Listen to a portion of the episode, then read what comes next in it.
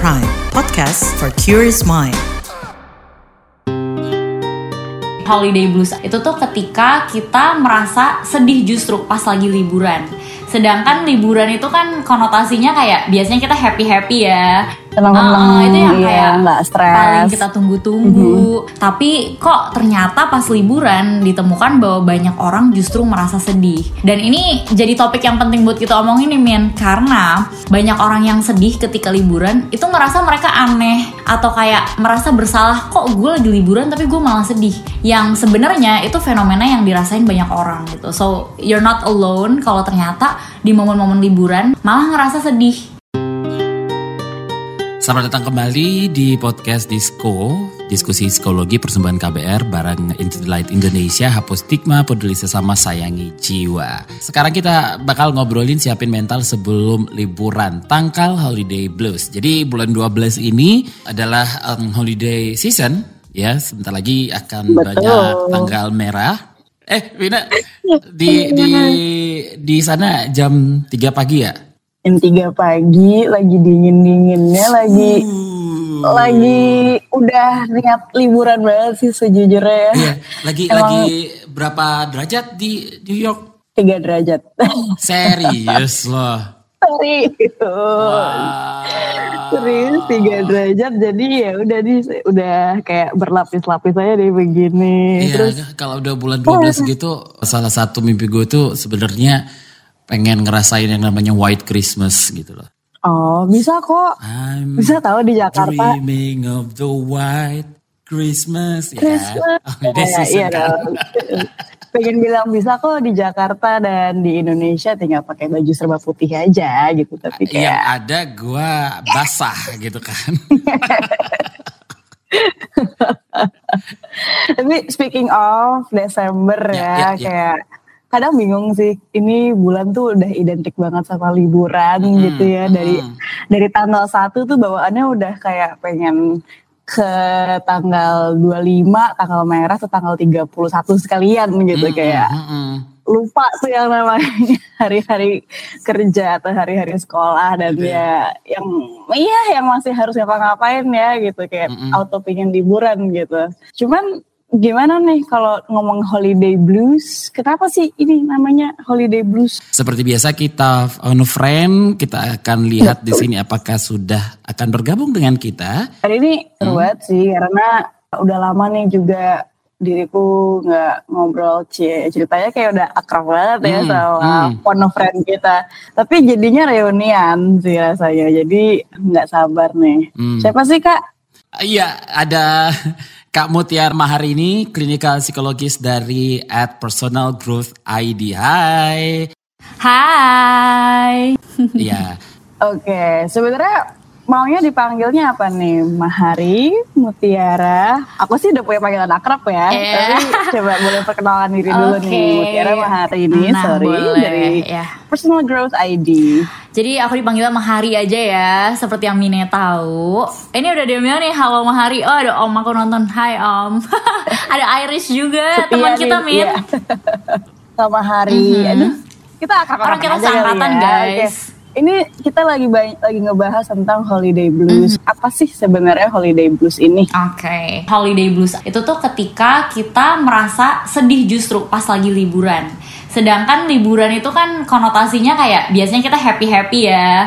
Ah, itu yang iya, kayak nggak stres. Paling kita tunggu-tunggu. Tapi kok ternyata pas liburan ditemukan bahwa banyak orang justru merasa sedih. Dan ini jadi topik yang penting buat kita omongin nih Min karena banyak orang yang sedih ketika liburan itu ngerasa mereka aneh atau kayak merasa bersalah kok gue lagi liburan tapi gue malah sedih.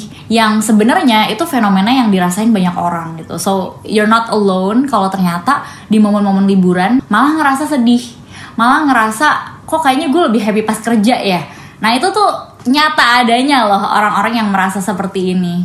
Oke, I mean menarik banget sih. Tadi barusan baru banget mau nanya Mhm. kayak, hah ini fenomena yang kejadian di banyak orang ah atau memang orang tertentu aja Yeah. tapi terjawab juga ya eh, Ri karena dirimu juga bilang ini sebenarnya banyak dialamin juga Benar. sama a lot of us Sebenarnya jawabannya tadi itu siapa aja yang bisa ngalamin. Tapi emang by research ditemuin bahwa 60% orang yang ngalamin mental illness itu atau gangguan kesehatan mental itu tuh akan merasa lebih buruk ketika sedang liburan. Jadi kayak eh, di bulan-bulan November, Desember, Januari itu biasanya moodnya lebih buruk karena di situ kan banyak liburan ya.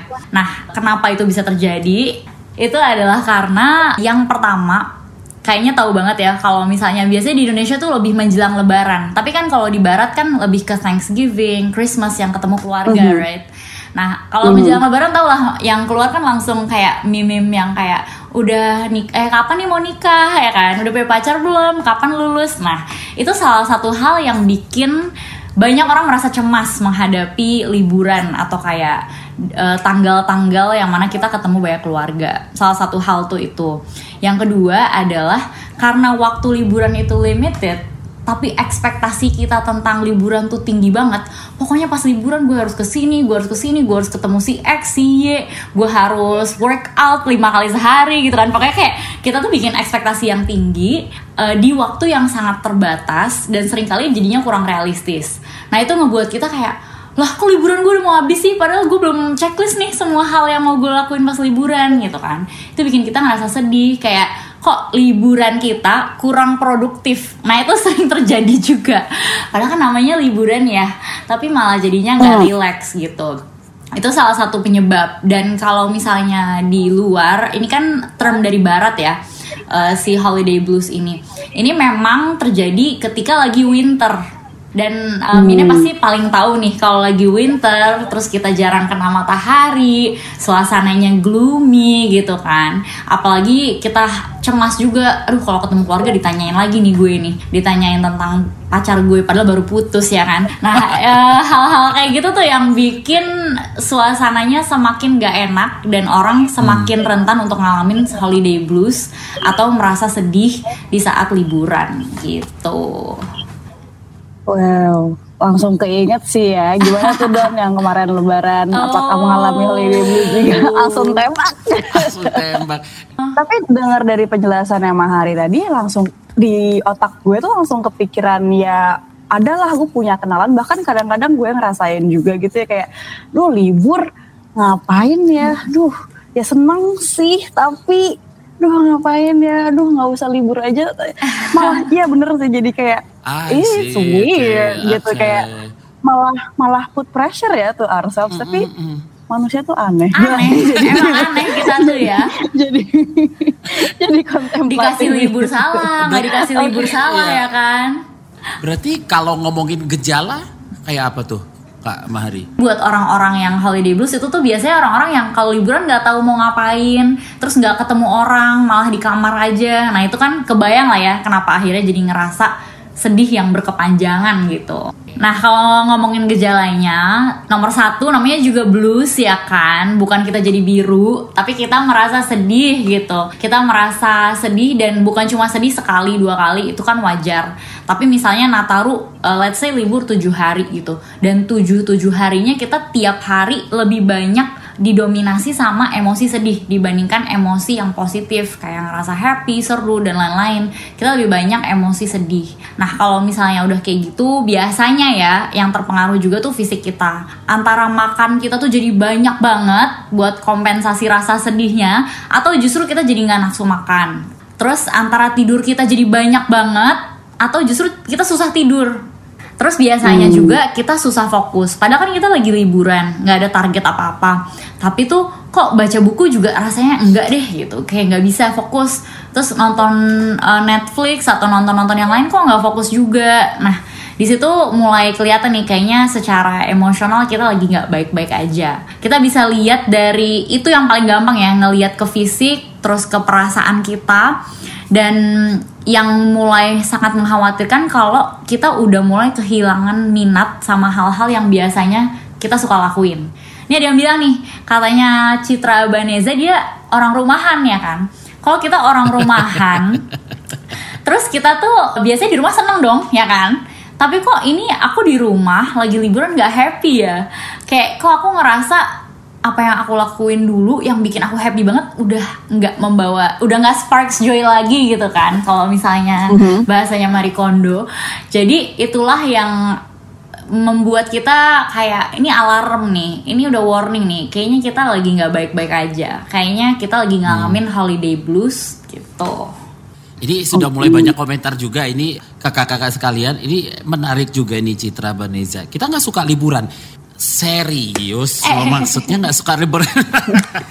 jatah cutinya buat mungkin aku aja boleh liburan tuh tadi ya ada ada stresnya juga karena Kalau cuti bisa dibeli, di bayar deh gitu ya.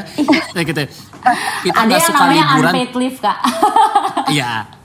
Kita nggak suka liburan tapi terpaksa ikut liburan gimana kan? Kadang ada perasaan stres dan males ya. Mhm. Nah, wow, gimana tuh Kak Mahari?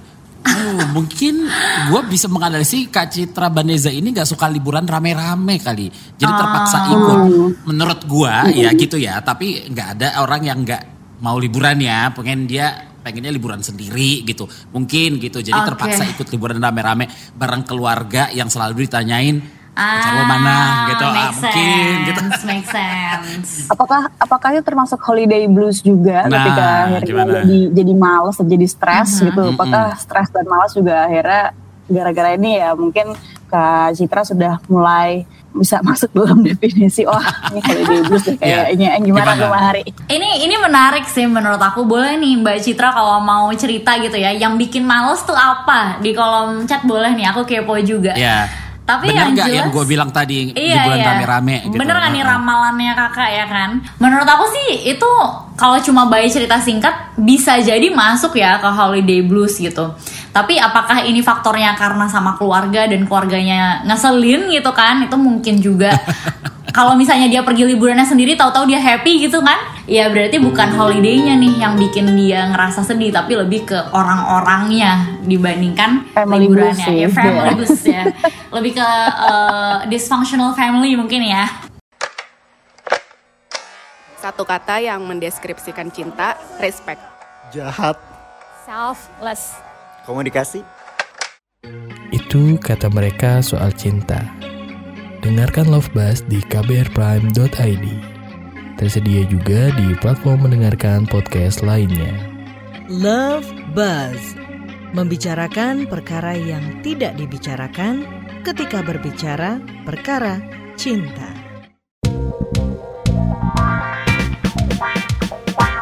Disko, diskusi psikologi. Dari Teresia Villa ya, Teresia Apa nih? VLLA. Kak, bisa nggak sih karena kita terlalu terperinci nih soal Hmm. perencanaan liburannya, makanya jadi holiday blues. Tapi kita juga nggak bisa nih kalau liburan tuh nggak ada rencana, cuma tahu mau ke mana doang, terus kayak udah malah jadi stres kali ya. Ini jujur Mbak Teresia, aku relate. ya. Hmm. Gue juga punya "Wow, teman yang kayak gini. liburan." Iya. Heeh, mau ke mana kita ngeplan terus tiba-tiba stres karena uangnya kurang gitu. Akhirnya liburan malah identik dengan bikin stres karena jadinya ya over expense Iya, gitu. Ya itu, itu gue Yang penting nggak tadi Teresia pinjol ya. do not ya do not. Malah pengen liburan malah jadi semakin ke mana-mana. Iya. tapi bisa nggak tuh Mahari karena terlalu terperinci tadi ya kamu tadi juga sempat Mhm. mention terlalu ekspektasinya tinggi terlalu banyak pressure-nya gitu. Dan ini sekarang ngomongin particularly di perencanaan liburannya makanya jadi holiday blues. Mhm. can that happen? Yes, yes, definitely it can. Dan menurut aku berarti si Mbak Teresia dan mungkin Mbak Yasmin nih ya berdua mungkin punya trait yang agak mirip nih, karakteristik yang agak mirip yaitu adalah orangnya sukanya yang terstruktur, yang terencana, yang jelas, yang pasti-pasti aja ya kan. Sehingga kalau misalnya bikin liburan tapi itu nggak sesuai nih nggak ada struktur yang jelas tempat-tempatnya tuh nggak tertata rapi jam-jamnya nggak jelas detailsnya tuh nggak ada gitu itu malah bikin kita stres which is totally fine gitu kan. Dan orang-orang detail itu sangat dibutuhkan di dunia ini. Kalau nggak kita agak amburadul gitu ya hidupnya. Tapi kalau misalnya ini sampai bikin kita saking stresnya terus abis itu akhirnya kita nggak jadi liburan terus kita makin stres juga itu kan nggak baik ya. Dan kalau ternyata kita yaudah deh daripada aku stres eh, nggak liburan-liburan gara-gara aku terlalu ribet sendiri bikin rencananya aku gas nih impulsif. Eh pas impulsif sama temen yang spontan ya kan? Terus dia cuma eh yuk ke Bali yuk. Pas nyampe Bali dia nggak punya itinerary dia nggak tahu hari ini mau ke mana gitu ya. Mungkin kalau aku sama Kak Dun bisa jadi kita lebih tipe kayak gitu ya. Itu stres banget makin stres. Hah terus habis ini ke mana? Habis ini ke mana? Ya lihat aja lah pengennya ke mana gitu kan katanya. Kayak ya santai aja lah. Namanya juga liburan kita tuh kayak hah? Santai aja gitu kan. Aneh gitu. Buang-buang duit ini mah namanya ya kan nah kalau misalnya kayak gitu itu berarti kita perlu banget untuk bisa mengelola diri kita. Dan bukan expect ke orang lain yang akan uh, membuat itinerary sedetail kita. It means that personality kita ini nih perlu kita maksimalkan, kita optimalkan. Oke, okay, kalau ternyata merencanakan liburan itu sesuatu yang bikin aku ngerasa cemas, bikin reward sendiri, berarti aku perlu waktu yang agak panjang, ya kan? Mungkin misalnya liburannya bulan Desember, dari bulan Juni Juli nih udah mikirin Desember mau ke mana ya, gitu kan? Hmm. Mulai nyari tiketnya, mulai bikin itinerary-nya, dicicil gitu dikit-dikit, dikit-dikit, pas ada waktu luang, sehingga pas menjelang liburan udah punya rencana yang jelas. Terus kalau udah punya hmm. rencana yang jelas, nanti kalau misalnya pun kita mau ngajak teman kita, itu ya kita take the lead aja lah. Jadi teman kita yang ikut sama kita. Jangan expect kita ikut sama teman kita, tapi kita yang ngatur semuanya. Nah itu bisa jadi pulang-pulang udah nggak punya temen yang itu lagi ya, udah bubar.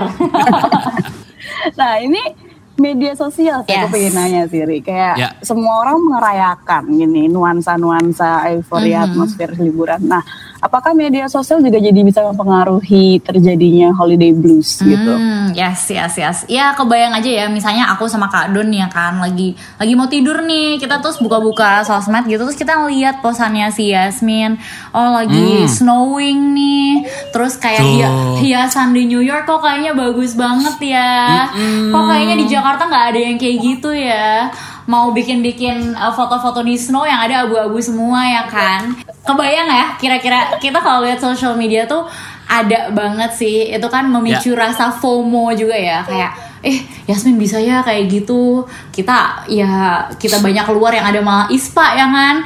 Dia malah bisa keluar terus happy gitu segala macam padahal bisa jadi nih bisa jadi Yasmin tuh kayak aduh di sini dingin banget. Aduh nggak enak. Aduh kangen matahari gitu kan. Nggak ada yang tahu. Cuma yang jelas social media itu gives the impression bahwa orang lain hidupnya tuh lebih dari kita. Dan kita ngebandingin diri itu selalu positifnya orang lain sama negatifnya diri kita Nah itu yang akhirnya bikin kita ngerasa makin-makin tuh kan liburan gue nggak ngapa-ngapain, liburan gue nggak seseru Yasmin, liburan gue nih ah mendingan gue kerja daripada kayak gini. Nah itulah yang akhirnya membuat holiday blues tuh makin parah gitu. Dan oke, okay, um, selamat sore buat teman KBR yang baru saja bergabung. Ya, kita lagi ngobrolin persiapan mental sebelum libur tangkal Holiday Blues. Ini bareng Kak Mutiara Maharidi dari at Personal Growth ID. Ya, kalau kalian punya pertanyaan, monggo banget silakan tanya seputar Holiday Blues. Ada nggak sih persiapan mental gitu loh buat menghindari mm -hmm. si holiday blues ini gitu? Sebenarnya tadi aku udah nge-spill dikit ya salah satu tips hmm. gimana caranya supaya kita bisa mencegah holiday blues ini terjadi. Dan jujur uh, yang namanya holiday blues meskipun yang disebut tuh sedih kesedihan gitu ya, tapi yang sering kali ya. terjadi itu kecemasan. Ya kayak kita ngeliatin Yasmin kayak Yasmin jangan hidupnya lebih enak ya daripada aku ya atau sebenarnya hidup aku tuh nggak seoke itu ya atau aku tuh sebagai orang belum sesukses itu ya apa aku belum sehappy itu ya itu kan kecemasan ya kayak mempertanyakan diri kita terus ngerasa kita belum cukup gitu. Nah kalau kita mau menghadapi kecemasan especially kecemasan tentang liburan kayak takutnya udah bikin banyak list terus ternyata nggak ke achieve takutnya ada yang kurang eh, takutnya takutnya takutnya gitu ya hadapilah kecemasan dengan persiapan. Which means siapin nih masih ada waktu sampai Nataru ya kan masih ada dua minggu lagi. Siapin selama liburan itu mau ngapain aja. Biasanya kalau ngelis apalagi kalau nyari-nyari rekomendasi di TikTok itu listnya bisa panjang banget. Bisa kayak tiba-tiba iya. kok banyak ya aktivitas yang bisa dicoba ya? Ada 30 iya, sedangkan yeah, yeah, hari yeah. liburnya cuma tujuh hari gitu. Nah kalau kayak gitu prioritasin dulu. Mana yang paling penting buat kita, mana yang paling seru buat kita. Bukan cuma tempatnya, tapi juga siapa aja yang kita mau ketemu selama liburan. Karena kalau kita nggak rencanain dan kita nggak prioritasin, itu bisa jadi kita kayak yuk gas gas gas. Tahu-tahu tiap hari kita ketemu orang ujung-ujungnya di liburan malah drain. Bukannya kita ngerasa fulfilled ya kan jadi prioritasin dulu. Kalau bisa bikin rencana dari sekarang. Misalnya kayak, eh Min, ntar ketemu yuk uh, tanggal 26. Gue lagi cuti nih gitu. Terus habis itu kita udah masukin di jadwal, masukin di jadwal. Jadi semua orang penting yang pengen kita ketemuin udah punya slot tersendiri. Sehingga nggak bakal kelupaan tuh. Atau kita nggak bakal ngabisin terlalu banyak waktu kita buat orang-orang yang maaf kayak kurang penting atau kurang kita prioritaskan gitu. Abis itu, abis kita bikin rencana, nggak usah terlalu detail kayak garis besar aja. Yang penting kita di otak kita tuh ada struktur gitu. Oke liburan tujuh hari aktivitasnya kira-kira ini ini ini ketemu orang yang ini ini ini, ini gitu. Habis itu kita bisa sedikit relax dan mikir oke okay, aku kan udah punya gambaran besar. Ini kan bukan pekerjaan. Jadi aku mau santai aja. Aku punya rencana tapi aku tetap fleksibel. Misalnya tiba-tiba si Yasmin nggak bisa ya udah nggak apa-apa. Berarti itu waktunya aku di rumah uh, beres-beres gitu kan mungkin. Uh, dan I'm gonna take it easy. Kalau misalnya kita udah ngelakuin itu menurut aku hal yang penting juga untuk kita lakuin adalah coba cek ke diri kita apa sih hal-hal yang pengen kita lakuin tapi selama ini gak sempet-sempet Misalnya, aku tuh sebenarnya pengen nih uh, belajar masak yang lebih sehat, atau aku pengen nih rapihin kamar aku biar interiornya lebih keren, atau aku pengen nih belajar nari atau belajar apa gitu ya. Masukin itu juga ke dalam list kita. Jadi make sure rencana-rencana kita tuh bukan cuman untuk orang lain atau untuk mencoba aktivitas baru, tapi juga hal-hal yang actually bisa bikin kita mendevelop diri kita. Sehingga ketika akhirnya liburan itu selesai, kita bukan cuma ngerasa duit gue abis waktu gue abis uh, energi sosial gue abis gitu ya. Tapi kita ngerasa oh I actually learn something. I met orang-orang yang meaningful buat hidup gue and I feel more positive dibandingkan sebelum libur ini. Tapi misalnya ya amit-amit kita udah berupaya berusaha tapi di tengah-tengah holiday nanti kita ngalamin tuh si holiday blues itu.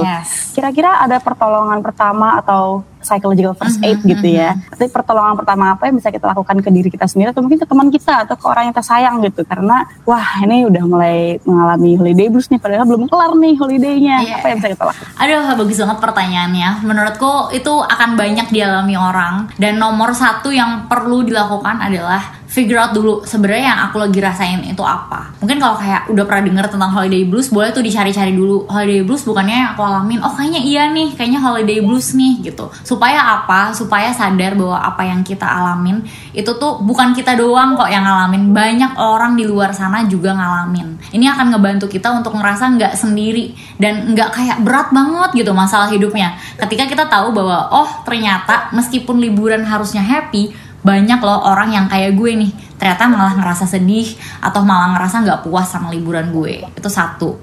And then dua adalah kalau bisa find support dari orang-orang terdekat orang-orang yang bisa kita percaya dan cerita aja gitu be vulnerable. Eh kok gue malah lagi ngerasa sedih ya gitu. Kira-kira apa lo ada ide nggak? Kita ngapain gitu yuk? Mumpung gue masih ada liburan sehari dua hari gitu kan. Terus habis itu eh, yang ketiga adalah coba untuk perbanyak connect sama orang-orang. Yang paling sering jadi trigger buat orang-orang ngalamin holiday blues adalah ketika mereka secara tidak sengaja mengisolasi diri, kurang banyak ketemu orang atau ketemu orang tapi orang-orangnya yang draining semua. Jadi sangat disarankan untuk mencari orang-orang yang adalah energizer kalian. Ketemulah sama orang-orang itu karena aku yakin meskipun liburan kalian berakhir, tapi kalau ketemu orang-orang yang tepat gitu ya, kalian akan ngerasa kayak ya maybe it was not as good as I expected liburannya. Tapi seenggaknya aku ketemu orang yang aku sayang aku tahu dia support aku and ya kita tunggulah cuti berikutnya gitu. Jadi kayak ada harapan nih buat menjalani hari-hari menderita di kantor selanjutnya. Nggak cuma kayak oh liburan kemarin tuh masih kurang ini kurang ini kurang ini gitu dan of course tadi itu ya yang terakhir ya perlu banget untuk ke profesional kalau udah sampai mengganggu yes, produktivitas. Bener banget. Um, ngomongin soal liburan mm-hmm. seru ya ternyata ya. Tapi ya kita harus kembali melanjutkan aktivitas kita oh, demi no. liburan Nataru. Abis ini sih pengennya tiktokan aja ya langsung nyari rekomendasi iya. tempat-tempat yang oke okay, kayak udah liburan eh, mindset banget yang, gitu. Yang bikin uh, stres juga pas liburan udah ngikutin rekomendasi TikTok pas datang zong, ya kan? Tuh, iya jangan. Sekali lagi thank you Mahari atas waktunya. Thank you. Ah. Bye. Bye bye. Disko, diskusi psikologi.